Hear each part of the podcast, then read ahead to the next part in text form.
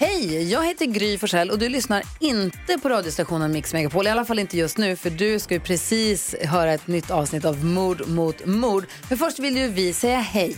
Hej, hej, det här är NyhetsJonas. Det här är Carolina Widerström. Och här är gullige dansken. Ja, och så Gry då, då. Det vi vill säga att när du har lyssnat klart på den här podden, då får du gärna lyssna på våran. Vi spelar in ett nytt avsnitt varje morgon av våra podd Kvartsamtal.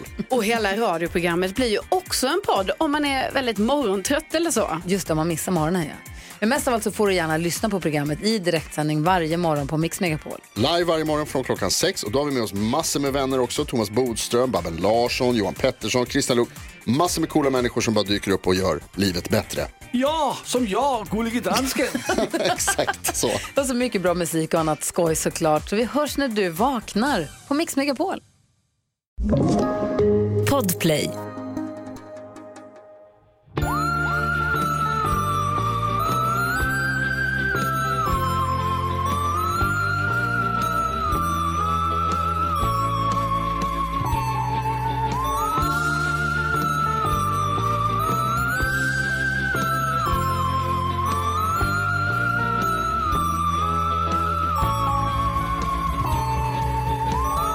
Hej och välkomna till Mord mot mord. Avsnitt, vad ska vi säga, 160? Du, jag är helt... Du är helt Lost. lost nu. Jag, vet du vad jag gissar? 169. Jag har inte namngett mina manus rätt sen kanske avsnitt 67. alltså det är helt fel allting. Jag har dubbletter, jag har du vet, Härligt när vi var på livepods-turné så hette alla i städerna. Ah. Så gick jag tillbaka till nummer. Det är verkligen eh, ett virrvarr. Men jag tror det är bra för dig att ha lite kaos, någonstans. Men alltså, det är faktiskt ganska intressant. För jag är ju, eh, liksom, jag är ju extremt pedant med saker. Du gillar ju att ha koll. Och gillar ordning. Jag gillar att ha koll. Ja. Men jag, med vissa saker är bara så jävla eh, sämst på att sortera. Typ mappar på Dropbox. Eh, du vet, typ eh, för vårt, du vet, jag, jag, jag kan, eh, filer på datorn. Hittills. Allting ligger, allting är huller om buller. Men är, är det liksom att du gör uppror mot dig själv lite grann? Eller är det bara att Det är du... min stökiga garderob tror jag. Jag pallar inte. Jag bara sparar det någonstans och sen så hoppas jag att jag hittar det. Lite så är det hela tiden. Men jag Så tycker glömmer jag ofta bort vad jag sparar, du vet vad Ah. det hette. Så Men det är bra för dig tror jag. Jag är ju lite tvärtom. jag tror också det. Jag har ju eh, stökigt överallt, men typ ganska bra ordning i mina mappar. Men det, men Och det, är inte bättre att ha det så. Nej, det är fan ett Nej, sämre alternativ. jag, tycker det, jag tycker det känns bättre. Du har varit hemma hos mig, det är kaos här. Du har ju koll where it matters. Where it mappers? Nej.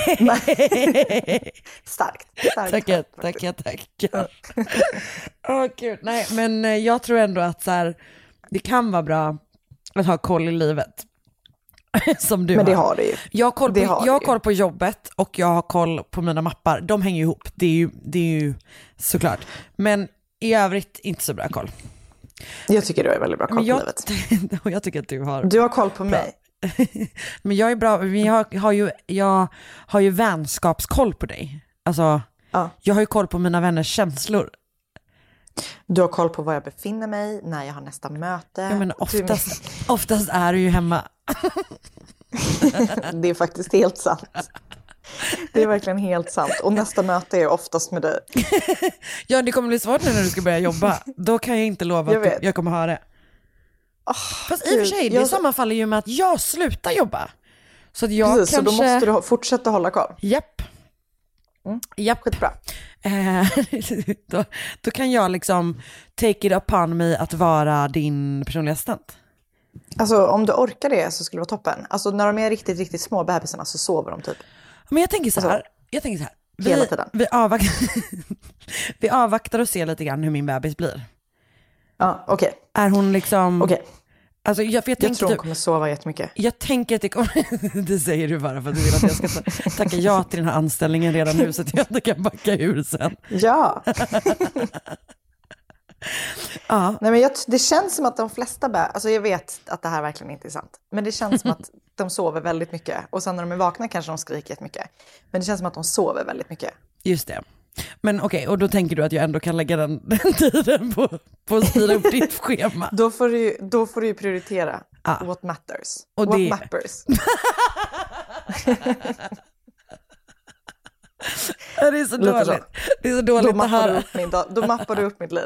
Vad är det hon heter? Marie Kondo heter hon va?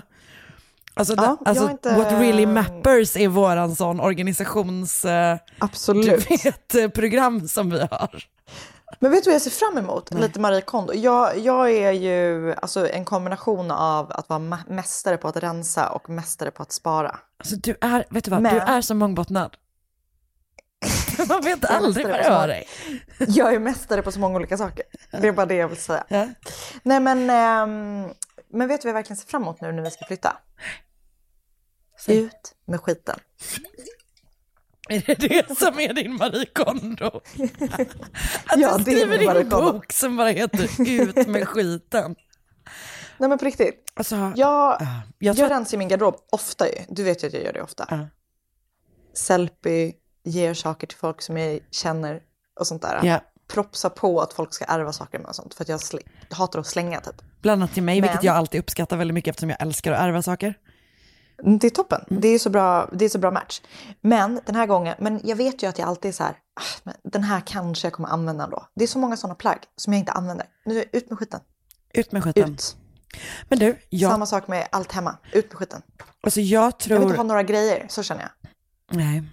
Jag tror att det här är alltså verkligen grunden till ett vinnande koncept. Alltså då pratar Jag jag, inte också. om i ditt liv, utan, eller jag pratar om ditt liv, men jag pratar om det på ett, liksom ett större plan. Alltså jag pratar om att det här är grunden för din kommande karriär. Ut Okej. med skiten. Alltså att du skriver den boken, Du tror att jag kan göra det? ja, det tror jag. Vet du vad, jag spökskriver den medan Mm. min bebis sover. Det är toppen. Hon sover Och medan skitmycket. Mm. Alltså medan du är på jobbet så spökskriver jag din bok. Jag kan vara din Alltså det, B-person. det behöver inte ens ta så mycket lång tid. Ut med skiten. Nej, det alltså det, kommer vara, det kommer vara så få ord. För alla andra ord har vi slängt ut. Vi lever som vi lär. Nej, men på riktigt, jag tänkte så här, alltså, du, du, du, du säger ju att du har mycket grejer hemma och så här. Ja. Och jag har också skitmycket grejer hemma. Ni har kanske lite mer grejer hemma än vad vi har. Men jag vill bo avskalat känner jag. Ja, jag vill inte det. Så att jag kommer inte anamma din, jag kommer inte leva som du lär. Tyvärr. Nej.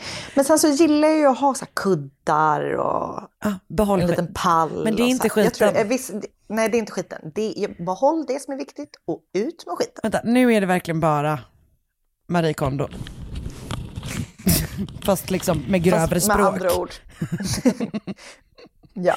Ja, men, vad fan. Ja, någon... En svensk Marie Kondo. ja. Var Men- kommer hon ifrån? Jo, hon är fransyska. Hon är amerikan. Kanadensare. Fortsätt gissa medan jag googlar. Är hon tyska kanske? Eh, hon är från Japan. Japan? Hon är från Ja, Japan. där, alltså, ja, okej. Ja.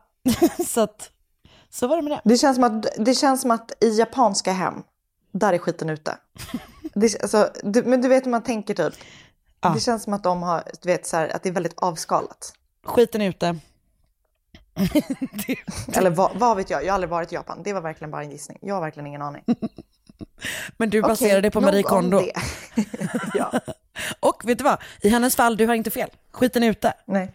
Skiten är ute. Eh, Du, har du lyssnat på något eller sett någonting? För jag har ju lyssnat på en sak. Okej, berätta. Den heter, det är en podd. Den heter LISK, Long Island Serial Killer. Som är, eh, handlar då om Long Island Serial Killer. Just det. Eh, som ju eh, inte har åkt fast. Man vet inte vem det är. Eh, det, det är faktiskt, den är faktiskt jättespännande. Det är ett fruktansvärt läskigt fall, är det inte det? Mm. Jo, det är kvinnor ehm, som försvinner, eh, kvinnor som är sexarbetare som försvinner. Ja. Och man, de kopplas typ inte ihop förrän man hittar ehm, fyra kroppar på typ en plats. Och det är väldigt så här, du vet, polisen bryr sig inte för, att, för deras eh, liksom, yrke, du vet, hur, hur de lever sitt liv och sådär. Ehm, väldigt eh, spännande och väldigt ehm, bra gjort tycker jag. Ja, Nice. Eh, hur Och många det ska komma en avsnitt? säsong två. Det, det finns, eh, tror jag, sju hela avsnitt. Ja.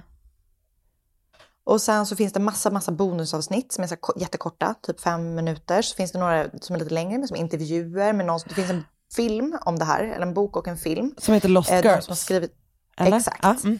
exakt. Ehm, ja, men den är, bara, den är bra gjord tycker jag. Och sen så, ja, den är spännande. Gud vad härligt. it.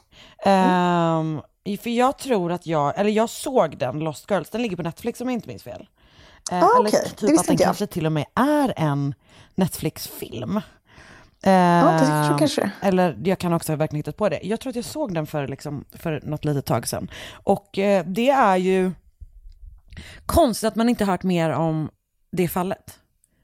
Alltså väldigt konstigt. För det känns som att det lika gärna hade kunnat vara en av de liksom, du vet, mest, mest sådär välrapporterade eh, olästa seriemö- seriemördarfallen typ. Alltså verkligen. För att det ja, nej, ja men gud vad, vad, vad spännande. Vet du vad, jag ska genast gå in och eh, prenumerera. Ehm, För att annars så kommer jag inte ihåg. Nej, man gör ju aldrig det. Eh, då ska vi se, LISK heter den, L-I-S-K. Den är, exakt. Tack snälla för tipset. Ja, men tack själv. Själv har jag tack. ingenting att bjuda på.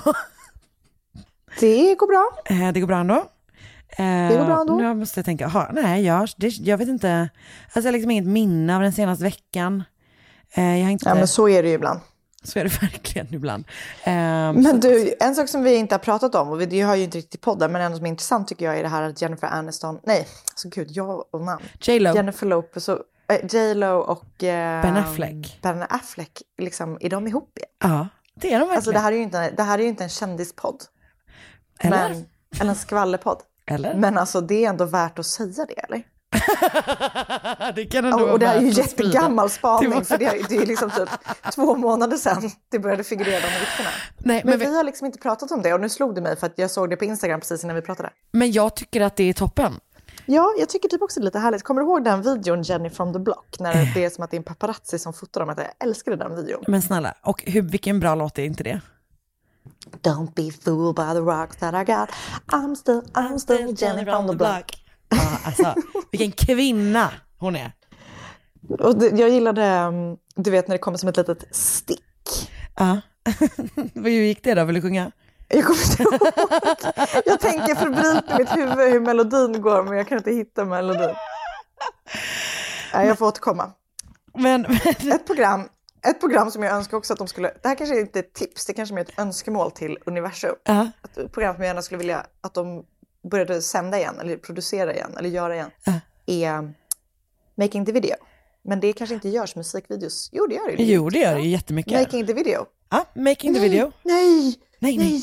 Jag kom på ett annat som jag, det vill jag se, Making the Video ah, såklart. Och sen så kommer du ihåg på MTV så fanns det ett program där det var vanliga människor som fick alltså spela in musikvideon. Nej.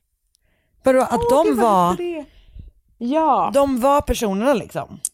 Ja, eh, och så fick de liksom, fan kan det ha hetat? Hela den videon. Ehm, ja, du, får, du får googla det här sen, du är så bra på att googla, det är inte jag. Tack snälla. Um, på tal om Ben Affleck. Ja. Du vet, han var ju tillsammans med hon Anna de Armas, som ju Ja. är eh, också skådis. Och ehm, eh, det här är bara en, liksom, ett snapshot från deras breakup. De hade ett väldigt, liksom, väldigt ehm, publikt eh, förhållande typ, där de var ute, trots att liksom alla var så himla corona-isolerade under hela deras, framförallt i typ USA känns som, eh, under hela deras förhållande. Men de var liksom alldeles ute och bara var nykära typ kändes som och hånglade typ offentligt. Eh, men det finns en så jävla stark bild på när han, alltså han har uppenbarligen haft en Alltså en pappersfigur av henne, alltså i life Ja, ja, ja, size. Och så finns det ett klipp på när, det, när den ligger i soptunnan utanför hans hem. Och det, det, vet du vad? Vet du vad? Ut med skiten! Ut med skiten, Ut verkligen. med skiten! Men hur genomtänkt är inte det då? Alltså, ja, men det är ju nästan, han kan inte vara en vuxen man och vara så genomtänkt att han bara, det är för mörkt. I sådana fall tycker jag inte han förtjänar J Lo.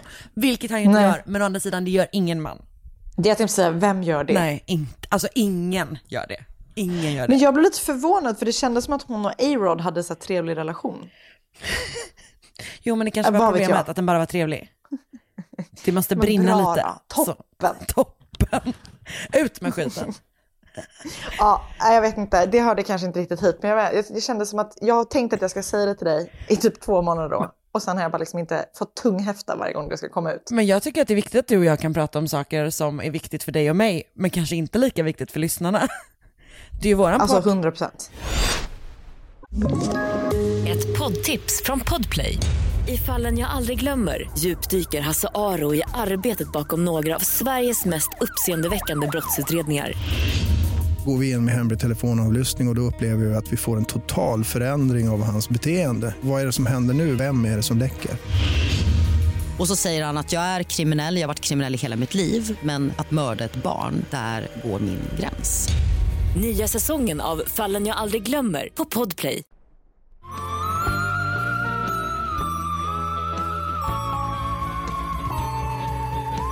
Alltså nu har jag ett problem som är att jag har två manus, men jag har inte valt vilket jag ska göra. Så nu måste jag liksom göra det på stående fot, eller vad man ska säga. Vad lyxigt att du har på bunkrat. Ja, blir du avundsjuk nu? Ja, Gud jag unnar dig det. Men jag, Fan vad du inte unnade mig det. Vad lyxigt att du Jag har blev lite- bunkrat. jag, lät, jag blev lite avundsjuk. Ja, Ja. ja. ja, men jag känner mig Det är typ, missklädsamt. Det säger Oskar till mig hela tiden. Att du har en sån, att du, att du är missunnsam. Mm. Är du det? Ja, Nej, det är uppenbarligen. Uppenbarligen var det ju precis det.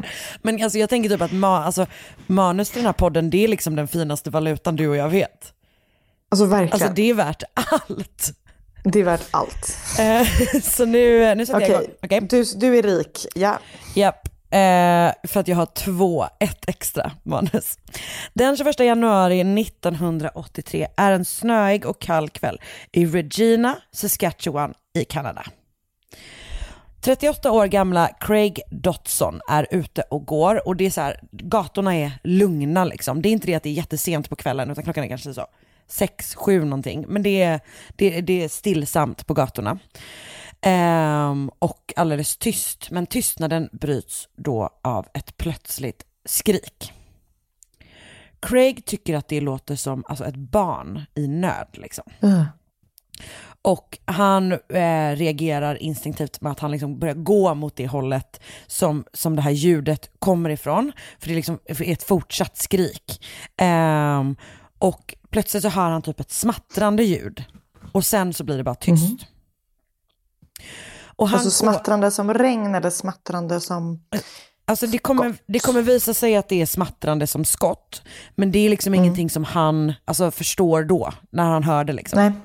Eh, och det här ljudet kommer från ett garage, och när, alltså han går liksom till det här garaget och när han, han är- är strax utanför så ser han typ en man i 30-årsåldern med mörkt hår som verkar dölja något innanför sin jacka, typ gå och, alltså, ut från byggnaden och försvinna typ in i en så här liten bakväg. Liksom. Mm. Och han går liksom lugnt, eh, men när Craig liksom tittar in i garaget så ser han då en kvinnas kropp i en blodpöl på golvet. Så han springer till huset som det här garaget tillhör och bankar på dörren tills då en, liksom en, en kvinna öppnar och hon följer med honom ut, ser kroppen på garagegolvet och rusar in igen. Och nästa gång hon kommer ut har hon med sig en man. Han heter Tony Wilson och när han får syn på den här kvinnan så faller han liksom på knä bredvid kroppen. För det är hans fru Joanne som ligger där och hon har alltså utsatts för grovt våld med vad som jag på svenska antar måste, alltså, måste kallas för en köttyxa. Alltså det är en cleaver. Liksom. Och hon har slagits många, många, många gånger med den här, det liksom tillhygget och sen så har hon också skjutits med ett skott i huvudet. Och hon kommer då inte att överleva den här attacken utan hon dör på eh, det här garagegolvet den här kvällen. Fan vad hemskt. Har de inte hört henne alltså? Nej, det verkar inte som det, utan det verkar som att de reagerar först liksom när han typ kommer ut. De är, eh, Tony är sjuk. Och eh, det är också hans, eh, eller det är också Joannes dotter. Hon är också liksom dålig, så jag vet inte om de har liksom legat och sovit. Och den här kvinnan som, eh, som eh, var i, liksom, i, som öppnar dörren då, det är deras hushållerska. Som är liksom där och tar hand om dem den här liksom, kvällen. Kan du säga vad den där staden heter igen? Regina heter det, det ligger i Saskatchewan. Nej, okej, det, an- så det var det säga. Saskatchewan. Jag tror att det är så man uttalar det, jag har kollat upp det. Ja, säkert. Jag tycker det var gulligt. Det är fint. Det Ja, är härligt. Det, Det, låter det är ett vackert namn ja. Och eh, hon, den här kvinnan som öppnar, hon heter Marje Lahtinen eh, och är då deras liksom hembiträde typ.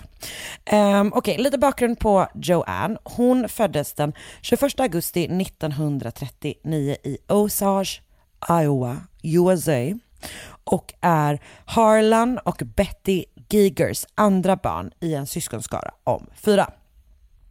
Harlan jobbar på Iowa State University där också hennes mamma pluggar en hel del. Och familjen är liksom så här, du vet, wholesome Christian family. De håller ihop, de tar hand om varandra. Joanne är väldigt så här social och utåtriktad, hon är driven, hon är smart, hon får bra betyg i skolan, mycket kompisar, sådär. Eh, och hon börjar då på Iowa State University hon också, och där läser hon framförallt klasser i Home Economics, vilket ju, det är typ så mitten av 50-talet det här, och det är ju, alltså, som jag, det är ju typ he- hemkunskapsklasser. Så att de är ju från, åtminstone från början riktade, för, riktade till liksom, kvinnor för att man ska lära sig att typ, ta hand om en familj och ett hem och en man typ. Ehm, Gud, man skulle behövt det lite mer. verkligen. Ja, det är verkligen sant. Men jag tänker här att här kommer du, alltså att det här att man inte ska samla på sig massa skit. Det tänker jag, det kanske är ett steg av det. Man behöver inte mer, mer kunskap än så. nej, nej, nej, eller hur? Och jag, jag, Jag är ganska bå på att laga mat. det är Du är jätte, jag är inte det. det är det. Men du är bra på att bestämma mat, vad man ska äta för något. Ganska bra. Och det är en superkraft det med. Det är Eh, faktiskt en ganska bra kraft. det är det verkligen. Men Joanne, hon läser i alla fall det här då, och hon älskar också att gå på universitetet. Hon har så här väldigt bra betyg. Det här det beskrivs typ som bland de bästa åren i hennes liv liksom.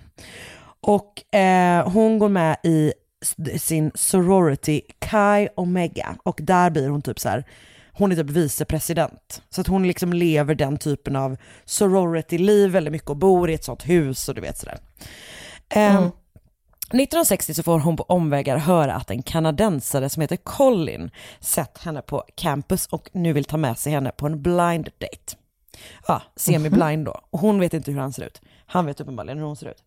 Hon tackar ja och han kommer och hämtar henne och eh, vid det här Kai Omega huset. Och de har typ en väldigt så här, trevlig date. Det visar sig dock att han eh, alltså, har fått fel namn av sin kompis.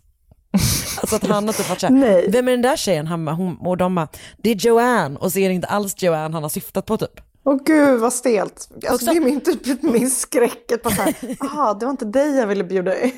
Men också vet du, också varför berättar han det? Alltså verkligen. Men På en, dejten, riktigt taskigt. en kompis till mig be, berättade, var med om typ exakt den grejen. Alltså att hon hade typ varit ute och bytt nummer med en kille och sen så hade han typ smsat. Och hon bara, jag typ ville jättegärna träffa honom. Och de möttes upp och sen så var det som att han, alltså han stod och liksom väntade jättelänge. Du vet att hon bara, ska vi gå då Men typ? gud. Och han väntade ju på någon annan. Men skämtar du? Så till slut han bara, ah, nej men okej vi går väl då. Eh, men han, han måste ju Alltså, trott också att hon var en på helt folk. absurd person eftersom hon uppenbarligen bara bestämde att de typ skulle ta en fika.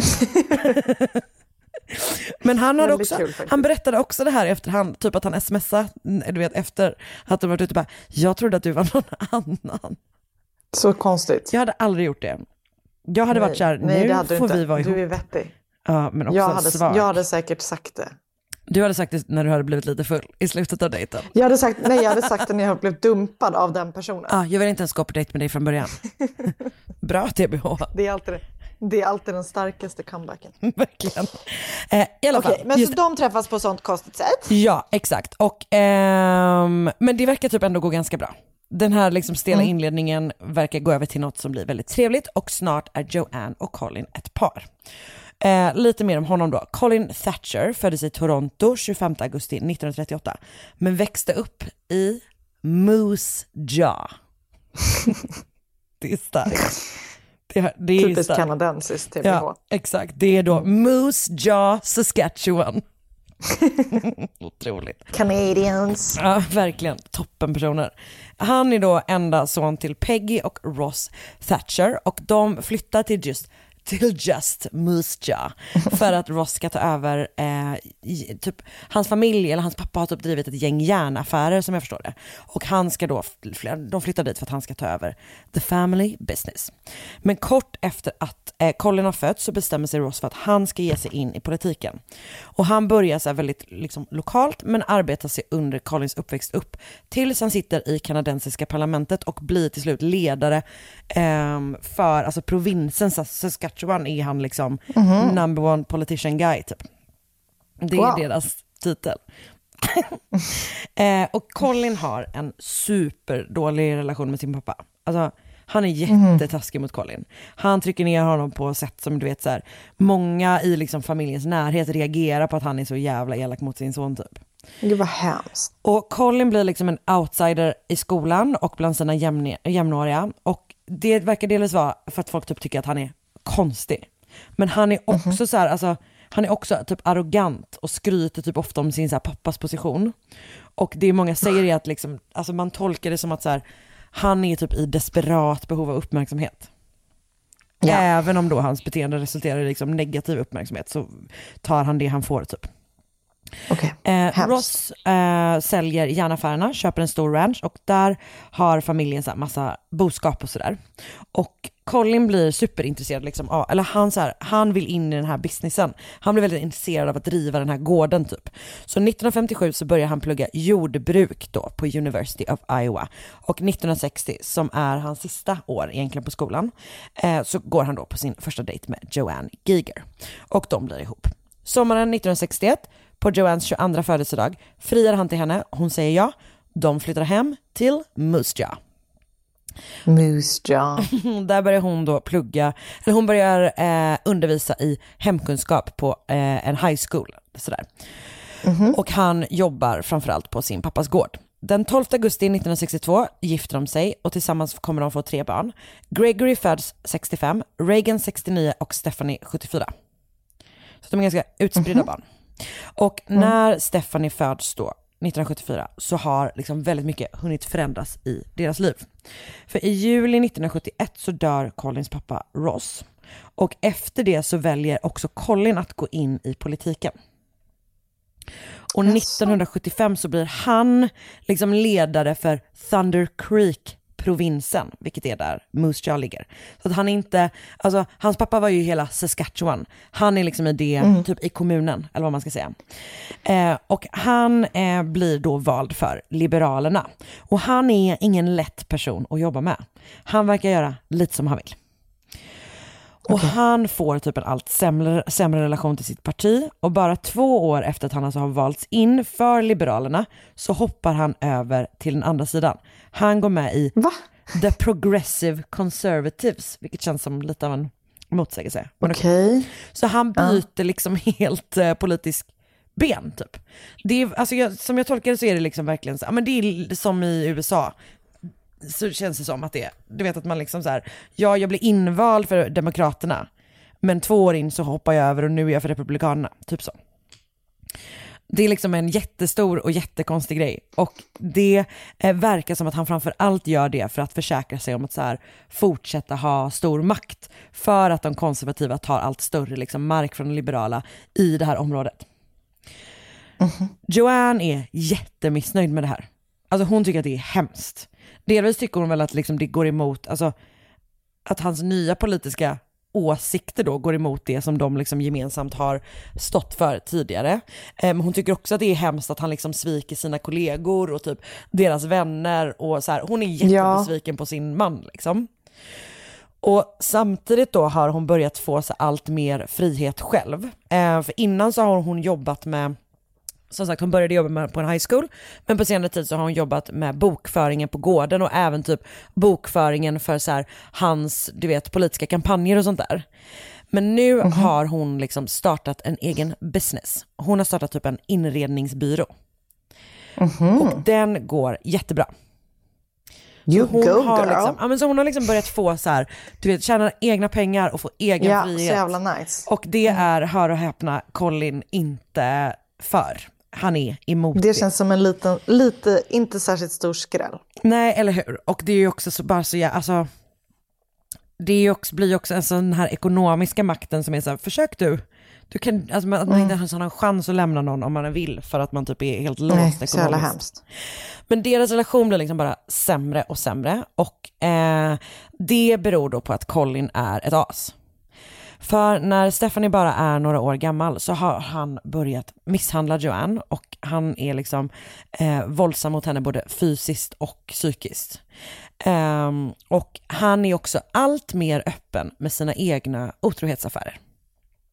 Alltså, Så i slutet av 70-talet är det liksom a well-known fact att Colin Thatcher är liksom konstant otrogen mot sin fru.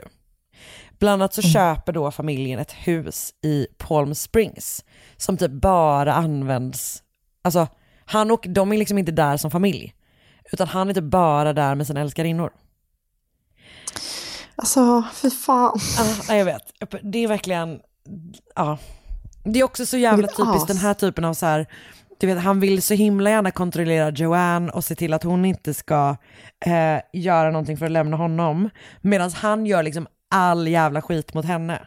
Eh, och samtidigt då, alltså som sagt alla vet liksom om att det här är typ, han får allt sämre rykte eh, som, som, som typ, alltså för hans liksom, men typ moral, eller vad man ska säga. Och han är konstant otrogen, alla vet om det. Men hans politiska karriär går liksom bara bättre och bättre.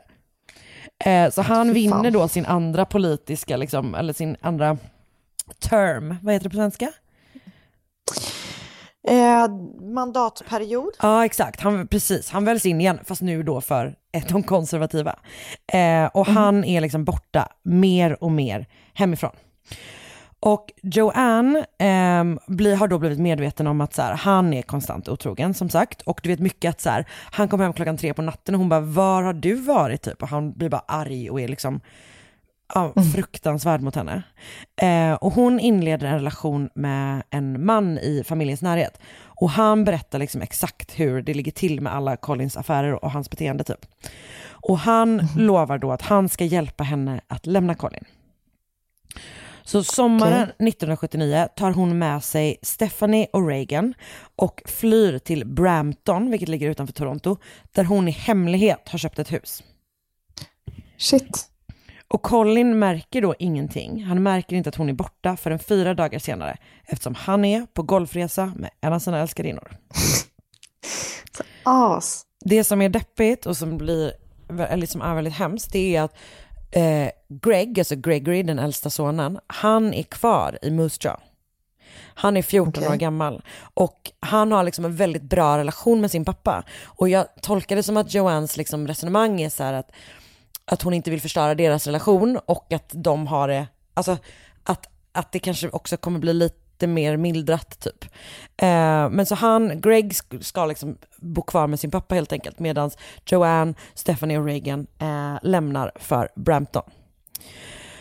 Och Ville han... Ja, så, Alltså, jag vet inte riktigt. Jag, som jag tolkar det som att Joanne alltså, så här, tycker att så här, det kommer bli bäst om han, om han stannar med sin pappa typ. Okay. Och när Colin väl inser då att hon är borta så gör han liksom allt för att hon ska komma tillbaka. Han vet inte vart hon är. Eh, men han ringer typ vänner och familj, han skriver brev till henne som hon får via sin advokat och han typ så här hotar hennes kompisar och sånt för att han ska, liksom ska, de, han, han vill att de ska berätta vart hon är då. Eh, men ingenting händer, alltså han liksom får inte tag på henne förrän han i september samma år kontaktas av kvinnan som är gift med den mannen som Joanne, som har hjälpt Joanne att fly. För hon har hittat ett telefonnummer i sin mans ficka. Som hon är så här, det här kanske är Joannes. Och l- hon lämnar över det till Colin. Och Colin mutar en kontakt på typ telefon, en telefonoperatör som tar fram adressen. Och till slut då så får han reda på att hon befinner sig i Brampton. Så i september 1979 så åker han, det här tycker jag är lite av en red flag, eh, tillsammans, tillsammans alltså han och deras 17-åriga barnvakt åker tillsammans till Brampton. Alltså, jag tycker det är speciellt att han gör den här resan med en 17-åring. Alltså Eh, verkligen. Eh, också ett, en, en, kanske en, liksom, en annan red flag, om man vill kalla det för det, är då att han helt enkelt tar med sig Stephanie och Reagan därifrån. Han typ får reda på Okej. vart de går i skolan och sen så plockar han upp dem på vägen tillbaka och drar liksom. Och sen följer då två och ett halvt år av vårdnadstvister och typ att så här, barnen hamnar jättemycket i kläm och Joanne utsätts för liksom hot och våld av sin exman, alltså om och om igen. Och hon behöver då flytta tillbaka till Moose Jaw för att liksom så här, kunna bestrida hans eh, vårdnads, eh, alltså kunna vara, liksom, vara en del av den här rättsprocessen liksom. 1980 så får hon ensam vårdnad om de två yngsta barnen och Colin ska betala över 800 000 dollar till henne. Men han vägrar då ge henne pengar och dessutom försöker han och lyckas liksom vända deras gemensamma barn mot sin mamma. Och det är så Nej. jävla jävla hemskt. Han uppmuntrar dem liksom att rymma från sin mamma hela tiden och de gör också det. Så vid ett tillfälle så tar Colin, eh, alltså han, han ser till att Reagan kommer till sin eh, farmor i Palm Spring och han är kvar där jättelång tid liksom. Och det här är ju, alltså om han, det hade ju krävts en, att han liksom skulle då utlämnas av amerikanska myndigheter antar jag. Så att hon kan liksom inte göra någonting för att han är ju i ett Ah, annat okej. land typ. Ehm, Fy. Och det enda som är liksom bra i, alltså det är verkligen så här, det är en fruktansvärd situation för henne. Du vet, Colin typ stjäl hennes bil, han typ eh, hotar henne hela tiden, han typ skär sönder hennes däck. Alltså det pågår konstant. Han har verkligen bestämt sig för att så här, jag ska jävlas med henne tills hon ger upp. Alltså det är verkligen, hemskt. verkligen, verkligen det som är hans plan liksom. Eh, och det enda som så här, är bra i hennes liv då är att hon träffar en ny man som då heter Tony Wilson, som är mannen som jag nämnde i början. Och de gifte sig den 3 januari 19, 1981. Och det är liksom så här en ljusglimt i det här helvetet liksom. Men den 17 maj 1981 så är Joanne hemma i sitt kök när hon plötsligt, alltså hon hör typ ett så här, ett smällande ljud och tror att diskmaskinen har gått sönder. Men det som har hänt är att någon har alltså skjutit henne i axeln. Men skämtar du? Och hon blir så chockad att hon liksom inte ens fattar att, det har, alltså att hon är skadad typ, utan hon bara oj vad, vad gick sönder nu liksom.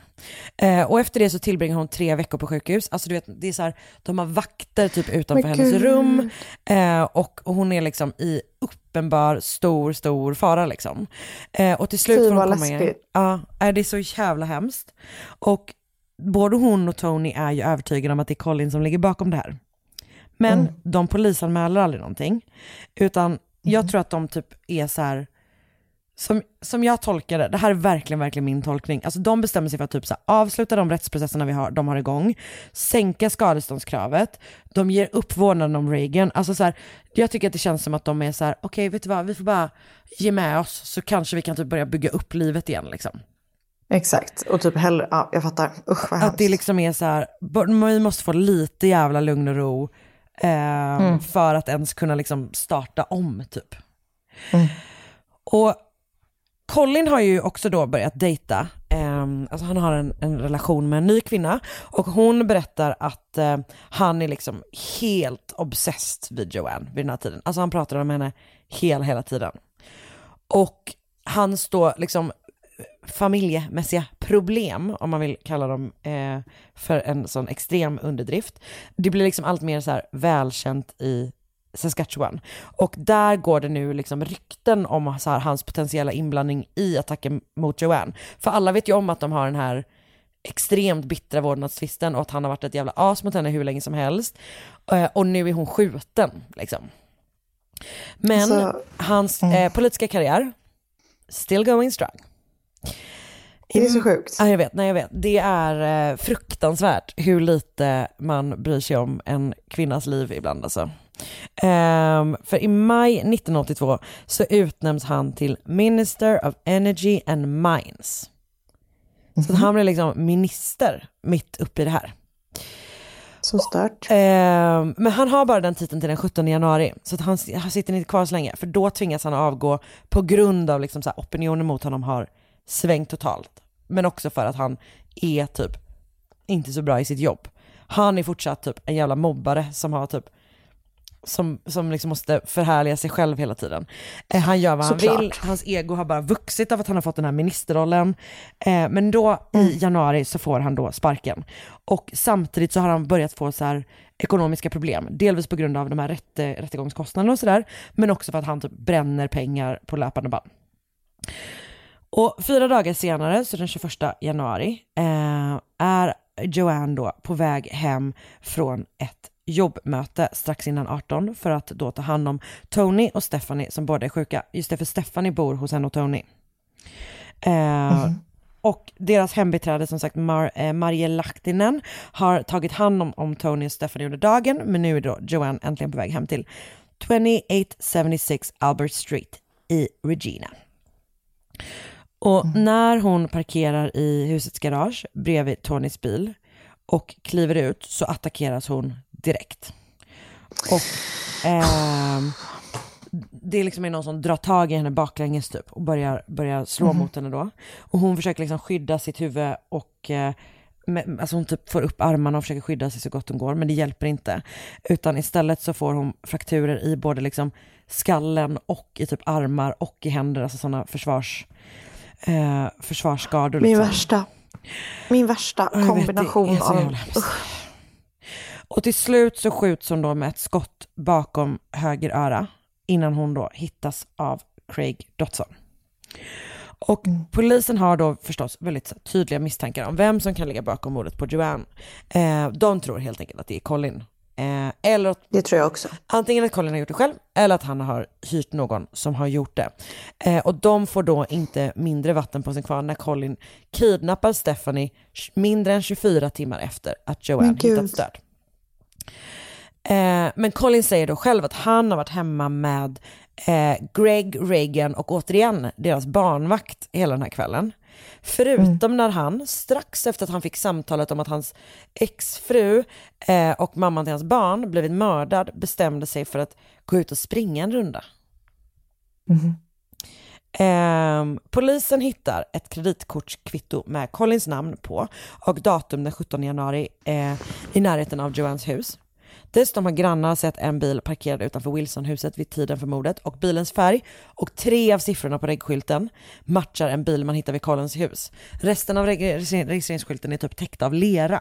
Så att, men, men det är en granne som har sett tre liksom. Och det stämmer överens med både färg och eh, de siffrorna. Man kan också spåra den här ammunitionen och den typ av vapen som man tror då har använts vid mordet till ett inköp som Colin gjort i Palm Springs på en av sina jävla resor dit. Men de har då ett problem och det är att beskrivningen av den här mannen som vittnet som hittade Joanne, alltså han Craig, alltså det stämmer liksom inte överens. Han är typ inte Okej. mörkhårig, han verkar inte vara 30, alltså du vet det liksom är så här, det, det hänger inte ihop helt enkelt. Men framförallt är det här med Nej. håret liksom.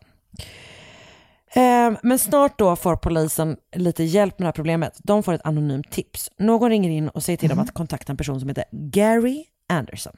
Och han ska då veta saker om mordet på Joanne.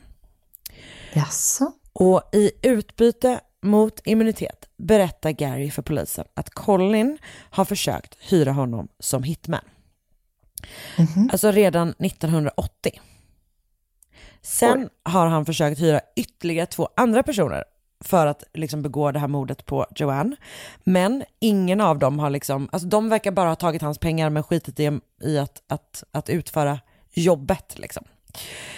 Ehm, så till slut har Colin bestämt sig för att göra det själv, säger Gary. Och han säger också att han har hittat en förklädnad som stämmer överens med vittnesuppgifterna från den här kvällen eh, i en bil som Colin har använt. Som han, jag vet inte om han har hyrt ut den till Colin eller om Colin har lånat den av honom. Men han har liksom hittat typ en mörk eh, peruk och lite så kläder och sånt i den bilen. Eh, men tyvärr har han då eh, eldat upp förklädnaden. Vilket ju Okej. Ja. Ehm, och då gör polisen någonting som jag tror att vi har hört talas om ganska många gånger i kanadensiska fall. They give him a microphone. De bestämmer att han ska då eh, bära dold mikrofon och Okej. stämma träff med Colin och försöka få honom att erkänna vad han har gjort och spela in deras samtal. Och det här händer då i maj 1984. Så det, är ganska, det måste ha gått ganska lång tid när jag tänker efter. Ehm, precis, det, det hände ju 21 januari 83 och nu är vi då maj 84. Ehm, Så att det har ju liksom, det har ju tagit ganska lång tid att, fast när man har, eh, har bevis så är det väl ganska mycket indicier och sådär. Så att nu känner de väl att de behöver cold hard facts innan de går in i någon slags rättsprocess. Så att den här eh, operationen får ett väldigt svagt namn och även typ tydligt namn. De kallar det för Operation Wire. Eh, Snyggt. eller? Och eh, det som händer är att Gary bestämmer då träff med Colin på en övergiven gård. Och eh, ehm, där berättar Gary att han sa, han bara, jag har gjort mig av med den här förklädnaden, jag hittade ju dina grejer, eh, men typ jag tycker att det känns inte så bra det här. Och eh, Colin säger liksom ett gäng grejer som så låter väldigt misstänkta. Och du vet att han säger typ så han bara, Gary typ frågar honom så han bara, vad har du gjort av vapnet? För de har aldrig hittat något vapen. Bara, vart, eh, vad hände med vapnet typ? Han bara, there's no loose ends. Alltså han säger mycket sådana saker typ. Ja, ja, ja. Eh, och han säger typ också, han bara, ehm, han erbjuder typ eh, Gary lite så pengar för, att, för besväret och, och, och säger typ så här, det är nog bäst om vi inte ses tillsammans. Och han pratar också mycket om hur Gary kan skydda sig själv om det nu är så att polisen kontaktar honom. Och ger också rådet att it's, always, it's just always deny, deny, deny. Det vet vi. Mm, det vet vi. Det är även vårt råd. Ehm, och just det här med deny, deny, deny är också Collins melodi. Han har alltid påstått att han inte har någonting med det här att göra. Han är helt oskyldig. Ehm, men trots då att han påstår sig vara helt oskyldig så döms han ehm, till livstidsfängelse utan möjlig frigivning på 25 år. Ehm, till slut så släpps han 2006 eh, och får villkorlig dom. Mm, efter att bland annat alla hans barn, som alltså alltid stått på hans sida, vittnat till hans fördel. Okej. Och du vet att det är, liksom är mycket, det är jättemycket att de är så här, eh, typ ni, typ vi kan inte få tillbaka vår mamma så kan vi få tillbaka vår pappa typ. Han är, eh, alltså de tror ju inte att han har gjort det här.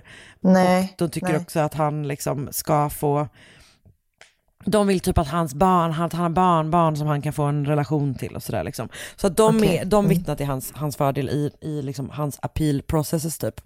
Ehm, han har gift sig två gånger i fängelse, verkar också gift sig efter att han har kommit ut, om jag förstått det rätt. Han har förstås också skrivit en bok, eh, vilket känns så Ja. on brand, eh, där han liksom framhåller sin oskuld, men en liten, liten trött idé, trött, trött framförallt, tröst i det är att han inte får tjäna några pengar på den boken. Utan Ja, alla intäkter måste doneras. Och det sista jag läste om det här fallet är från 2017 då en sociologistudent som heter Alicia Jachersen ville crowdfunda Mhm. en muralmålning till Joanne Wilsons minne. Eh, och Wow. hon sa då till pressen att I want everyone to remember Joanne, Joanne Wilson because she's an uh, icon, iconic image that no one is uh, immune from domestic violence. Och det har handlat så jävla mycket om att typ så här, eftersom hans, alltså delvis då hans pappa men också i förlängningen han, var ganska så här välkända figurer inom politiken, så har ju det, som det alltid blir, blivit så jävla mycket fokus på honom efteråt liksom. Såklart. Ehm, och jag har då läst en jättelång text som även är arkiverad och inte finns på, alltså du vet en sån wayback machine, eh, från Ja. Crime Library av Rachel Bell. Och sen har jag läst ett gäng nyhetsartiklar från The Globe och Mail, The Globe and Mail och CBC och sen så har jag också läst Wikipedia. Men framförallt i den här Crime Library-texten som är i typ tio kapitel och väldigt, väldigt omfattande och beskriver allting Oj. väldigt bra. Det var mordet Tack, på Joanne. Wilson. Gud, väldigt sorgligt som det mesta är. Men det är väldigt... Jag blir alltid så upprörd när det är bara så här, du äger inte en annan människa. Om hon vill lämna dig och göra sitt egna, låt, Ja. henne, låt henne gå. Ja, också den grejen när man är så här, du vill uppenbarligen inte ha henne heller. Alltså inte för att det gör någonting okej. Nej, nej, men nej, det är just det nej. här att man liksom är så här, jag ska äga dig, eh, på ett sätt som... Så ingen annan kan få. Ja, exakt. Nej, och att jag tycker också Nej. att det är så jävla sorgligt med de här fallen där liksom en kvinna typ gör allting under så många år. Du vet, det finns så jävla, det är liksom, det har varit upp, han har varit uppenbar och helt tydlig med vad han vill göra mot henne under så många år. Och hon har liksom inte fått någon hjälp och ingen stöd. Och sen så får han liksom mörda henne. Alltså det är så jävla jävla upprörande. Det är Och verkligen jag tycker också att det är så jävla upprörande att han typ så länge också kunde ha en politisk pågående karriär. Ja, nej, det är vidrigt. Poddtips från Podplay. I podden Något Kaiko garanterar östgötarna Brutti och jag, Davva, dig en stor dos skratt. Där följer jag pladask för köttätandet igen. Man är lite som en jävla vampyr. Man har fått lite blodsmak och då måste man ha mer. Udda spaningar, fängslande anekdoter och en och annan arg rant. Jag måste ha mitt kaffe på morgonen för annars är jag ingen trevlig människa. Då är du ingen trevlig människa, punkt. Något Kaiko, hör du på Podplay. Därför är gardinerna.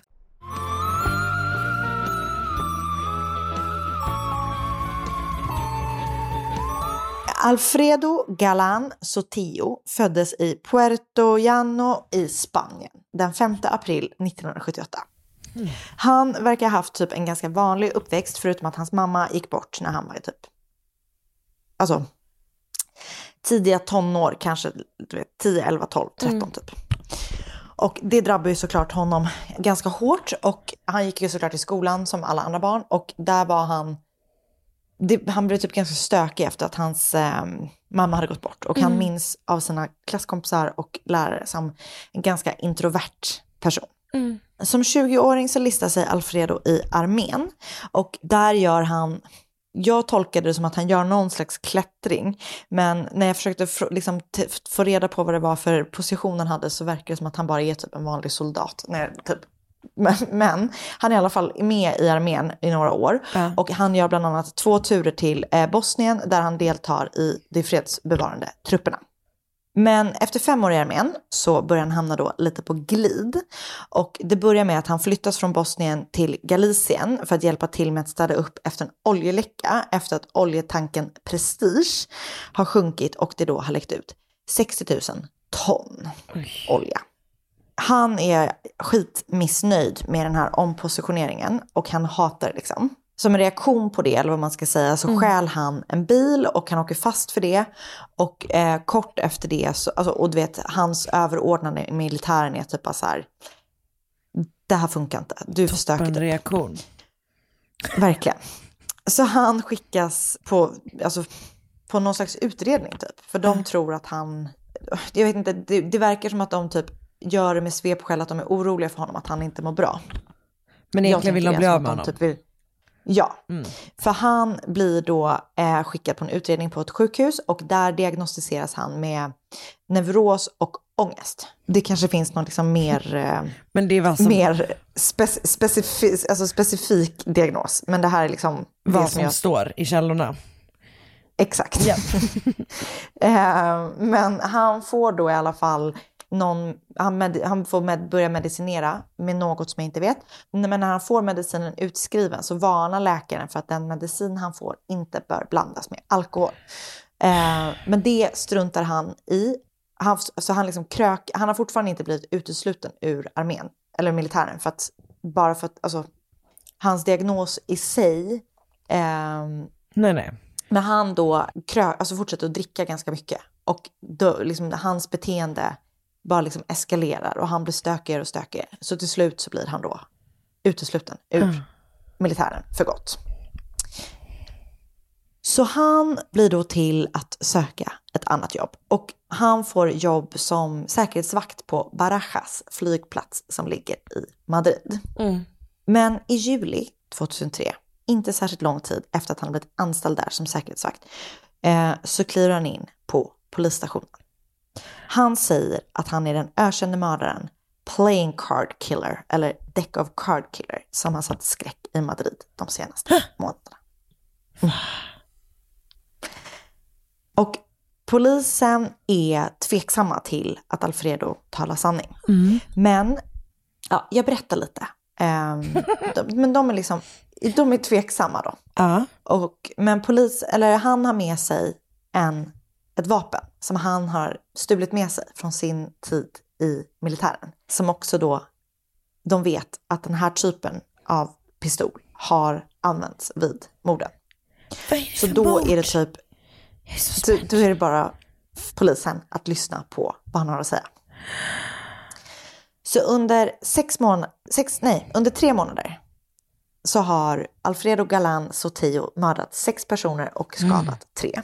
Och så låt mig, jag ska berätta liksom om de här mord, morden då. Eh, hans första offer mördades den 24 januari 2003. Det var en 50-årig man vid namn Juan Francisco Ledesma. Och Alfredo verkar helt slumpmässigt ha valt ut det här, sitt offer, och trängts in i hans hem, där han sedan har skjutit Juan Francisco framför hans två år gamla son. Nej. När polisen kallas till platsen och liksom ska utreda det här så gör de bedömningen att det här har varit ett rån som har gått snett på det sättet som eh, eh, mordplatsen ser ut. Han har skjutit Juan Francisco i huvudet eh, när han har stått på knä. Så det är sån riktig liksom sån vidrig, eh, eller det andra mordet inträffar väldigt kort efter. Den 5 februari 2003 var en 28-årig man vid namn Juan Carlos Mar- Martin Estacio på väg hem och stod och väntade på bussen eh, i närheten av Barajas flygplats där eh, både han, Juan Carlos och Alfredo då arbetade. Och där stöter han då på Alfredo.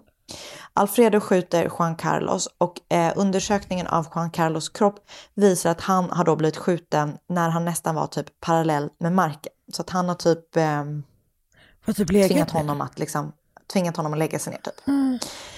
Skottet har gått in i baksidan av huvudet på nära håll och han har avlidit med en gång såklart. Mordet är också uträttat, verkligen eh, avrättnings eh, style. Även vid det här mordet så tror polisen först att det är eh, ett rån som har gått snett. Men på platsen så hittas ett kort. Ett spelkort. Jag tolkar det som att det är något slags tarotkort, men det beskrivs som en spansk kortlek. Men det heter, kortet heter Ace of Cups, så jag, det är, och det ser verkligen ut som ett eh, tarotkort.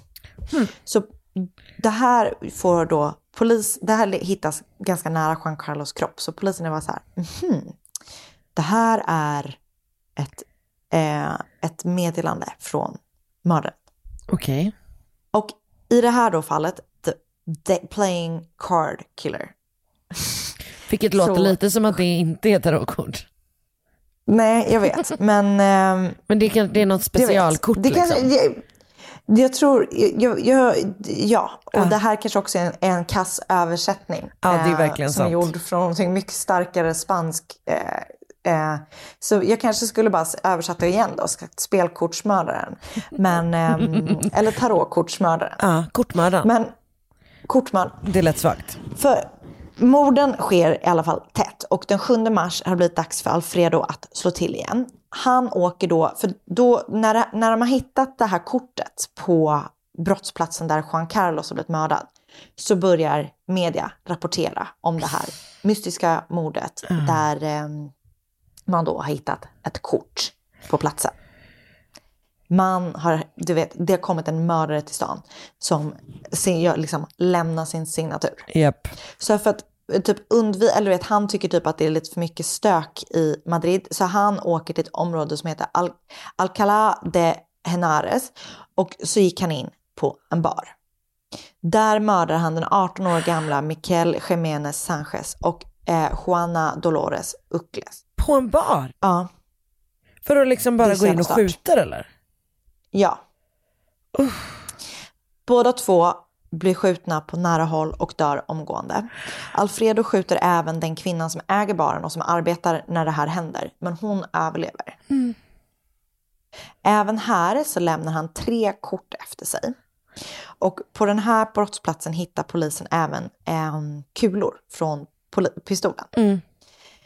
Kulorna kan matchas med en pistol av märket Torkarev som användes mycket i öst eh, under den här perioden, men som inte var särskilt vanlig i Spanien. Mm. Och den här, ehm, ja precis, och den här, det här vapnet har då använts, en, de, nu kopplar de ju ihop de här morden då med det på Juan Carlos. Men det första på Juan Francisco tror jag fortfarande inte att de riktigt har kopplat ihop, Nej. eftersom där fanns det heller inga kort på platsen. Och kort därefter igen så mördar han ett gift par, bara också som han helt slumpmässigt stöter på. George och Doina Magda. Och han skjuter först George medan Doina försöker gömma och skydda sig. Men Alfredo skjuter tyvärr även henne tre gånger. George dör omgående, liksom han dör direkt på platsen. Hon överlever attacken men intensivvårdas på sjukhus i två dagar innan hon till slut avlider.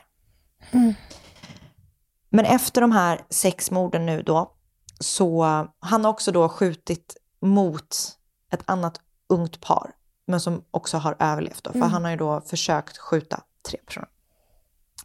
Men det, nu finns det ju då vittnen. Han har mördat sex personer och skjutit mot tre personer.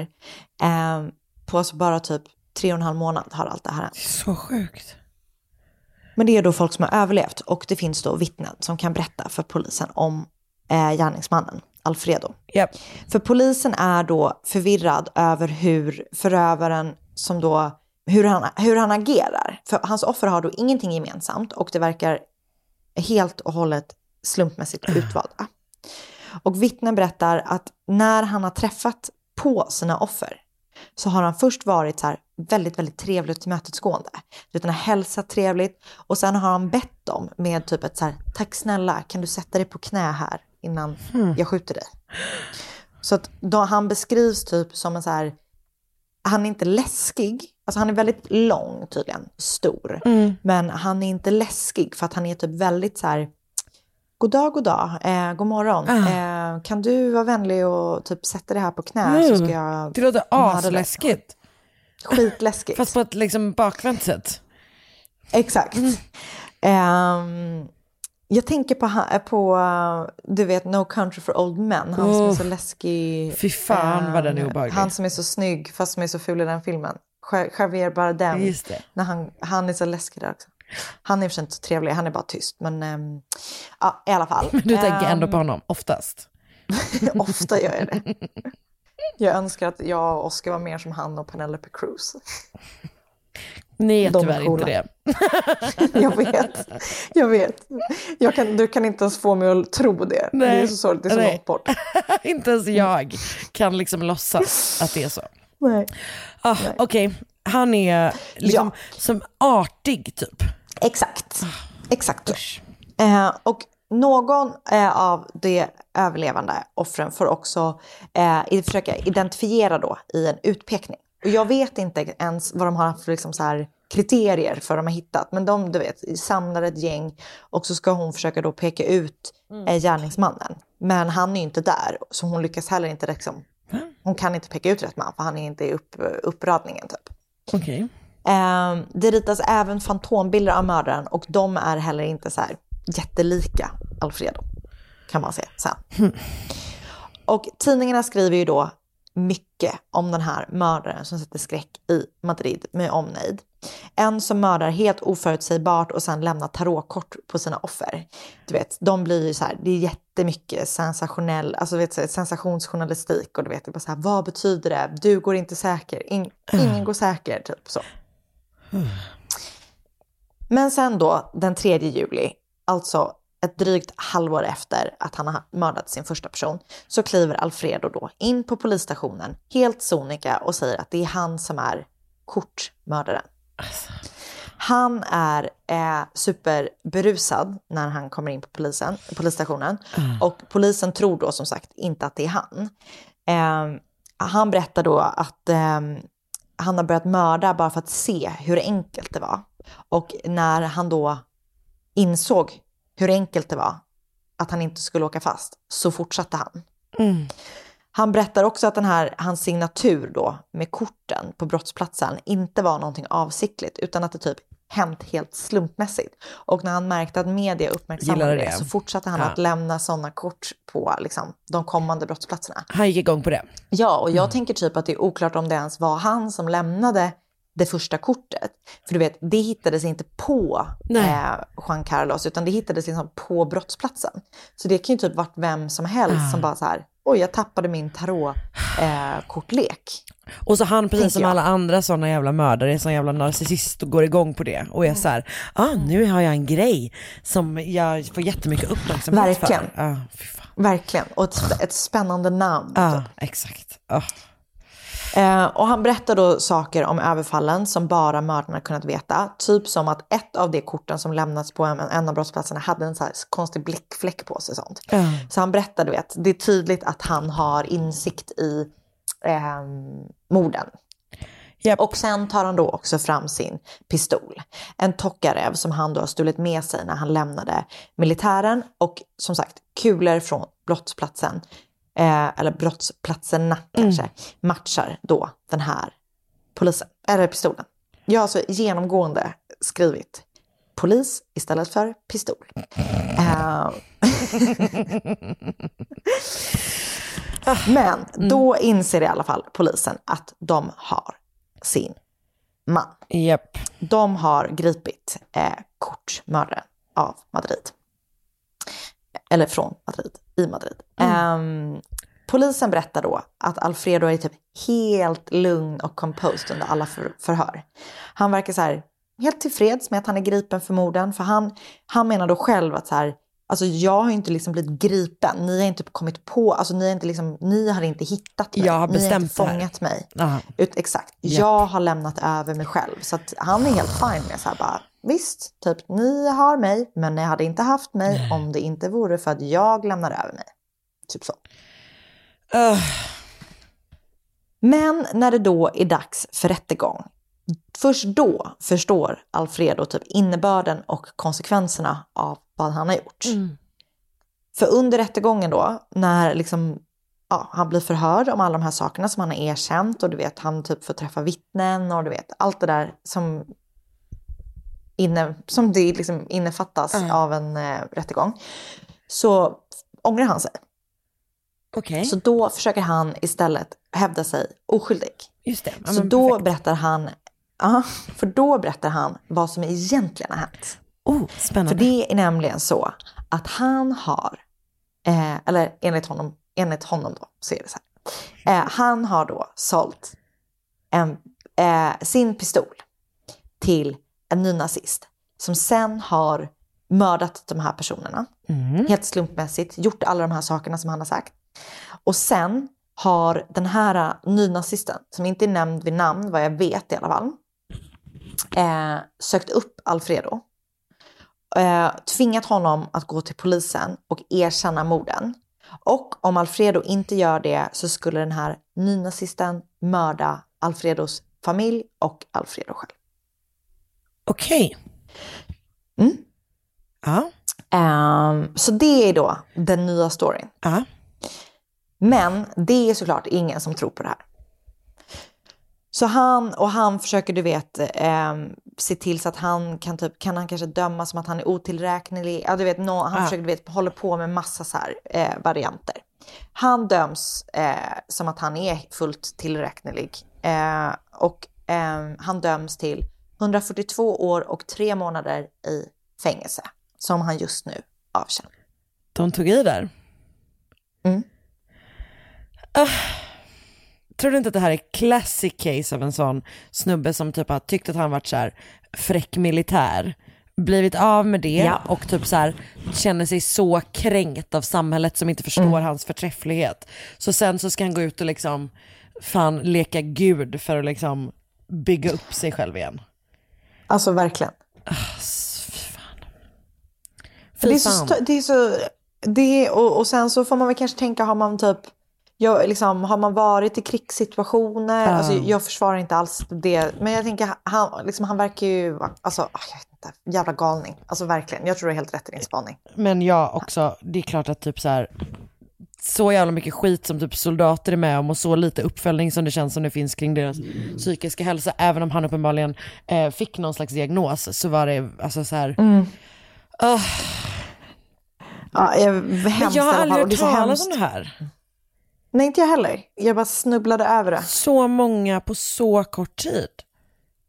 Fan vad hemskt. Och så slumpmässigt. Och bara liksom, alltså det, det, jag vet inte, jag säger alltid så här, det är det värsta jag vet. Men och allting, allting som resulterar i ett mord eller ett överfall är ju det värsta jag vet. Japp. Men det är så läskigt på något vis när man är verkligen bara så här, minding my own business. Typ, jag väntar på bussen. Jag, Mm. eh, och så vet så här, och så händer någonting. Sånt där. Alltså det, jag tycker det är, och ibland kan jag sitta och tänka på sånt, typ, just när man typ har jobbat sent. Och jag Ja. jobbar ju utanför stan, så sitter man så här, här sitter jag, väntar på bussen, jättemörkt. Japp. Tänk om det släntrar upp någon här nu och... Jag vet, det är ju därför, vi, det är därför vi läser om de här sakerna tyvärr. Ja. Mm. Det är det som är grunden. Ja, jag har i alla fall läst ehm, Murderpedia såklart om Alfredo. Eh, en artikel på medium.com skriven av Rebecca Skröder som heter Playing to kill, the case of Alfredo Galan. Och sen har jag lyssnat på en podd som heter Criminal Discourse Podcast och avsnittet heter Alfredo Galan, the playing card killer. Och eh, sen har jag, ja, det är typ, det är det. Ah. Det är det. Tack snälla. Det var i, Tack. Mm, jag känner mig mm, arg och splittrad som vanligt. Men man gör ju det. Som vanligt Det här i livet. Det gäller tyvärr inte bara. Det var inte en, liksom, det var inte en spaning om, om den här podden. utan Det var en spaning om min känsla I för allmänhet, livet. ja. 100 procent. Tack snälla du. Tack själv Karin. Och, och tack även till er som har lyssnat. Det var vänligt, det var vänligt Tack alla ni. Vi gillar det. Och vi kan väl passa på att påminna om att i sommar så kommer det då som vanligt ett litet specialavsnitt där vi önskar att ni delar med er av era historier. Ja, alltså Det behöver jag, inte ens vara era historier, det kan vara någonting ni har hört. ja, typ, eller så här, din mormor berättade en konstig sak som hon var med om. Det vill vi höra om, om det är Jag tillräckligt menar det. konstigt. Ja. Ehm, Ja, för att jag måste säga, Anna, jag vet vad jag tänkte på häromdagen. Du känner mig så stolt Berätta över för oss. mig. Alltså, Berätta. vi, vi kör på du och jag. Och vi gör det på. när, det när vi har fullt upp förra året. Du födde ett barn, jag var typ utbränd. Men b- podden kom. Podden kom ut. Barnet kom ut, vecka. podden kom ut. Och även nu i, alltså när jag då ska föda ett barn så tänker vi ju, vi kommer ha lite längre period när vi sen släpper avsnitt varannan vecka, vilket vi brukar göra under semestern, men det är bara någon, någon extra vecka som vi gör det. Och sen Mm. så kör vi lite specialavsnitt ehm, under liksom ett, någon, några veckor till. Men ni kan räkna med att vi, eh, vi kommer släppa Du avsnitt. kan räkna med mig. Ja, Da-da-da-da, ja, ja. da.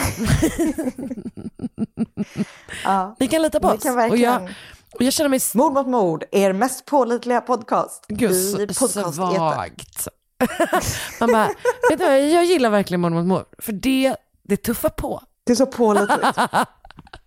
Men det är, du och jag känner ju plikten framför allt, så är det ju. Alltså, vi är verkligen under piskan varenda eviga dag här i Allt livet. för er skull. Det här vändes till att jag kände mig stolt över oss, till att det blir som, vi blir såna jävla martyrer. Men det är så, Karin, välkommen till mitt liv. Allting handlar om hur blir jag störst martyr. Nej, Du, Marcus Nej, jag frågade mig. Jag tycker... Marcus frågade mig häromdagen, han bara, kommer du bli en sån martyrig eh, mamma? Jag bara, det beror på hur jävla dåligt ni behandlar mig. Att man bara Ja, men direkt alltså, för det är ju det. Ja, nej gud. Alltså alla mödrar Alltså, ju det. har ju, alltså, ju har ju på, på det torra att vara hur Ja. sur som helst. För har ni träffat deras men familjer så ingen, jobbiga. Det finns ingen som fattar det runt omkring en. Alltså i familjen fattar ingen att man har 100% rätt i Därför man blir man extra mycket, alltså det är ju, det snurrar ju runt där. Det gör det ju. Ja, Ja. ja. Okej. Det är ett sånt kallat, häromdagen skulle jag säga så moment 22, men jag sa moment 21. det var så nära, det var så nära. Det var så jävla fel. Åh gud, det är toppen. Ja, och på det går vi väl ut Eh, eller? Det gör vi. Det gör Tack vi. för den här veckan. Tack, tack. Goodbye. Goodbye. Ett poddtips från Podplay. I podden Något Kaiko garanterar östgötarna Brutti och jag, Davva, dig en stor dos skratt. Där följer jag pladask för köttätandet igen. Man är lite som en jävla vampyr. Man har fått lite blodsmak och då måste man ha mer. Udda spaningar, fängslande anekdoter och en och annan arg rant. Jag måste ha mitt kaffe på morgonen för annars är jag ingen trevlig människa. Då är du ingen trevlig människa, punkt. Något Kaiko, hör du på Podplay. Därför arkadeinerna.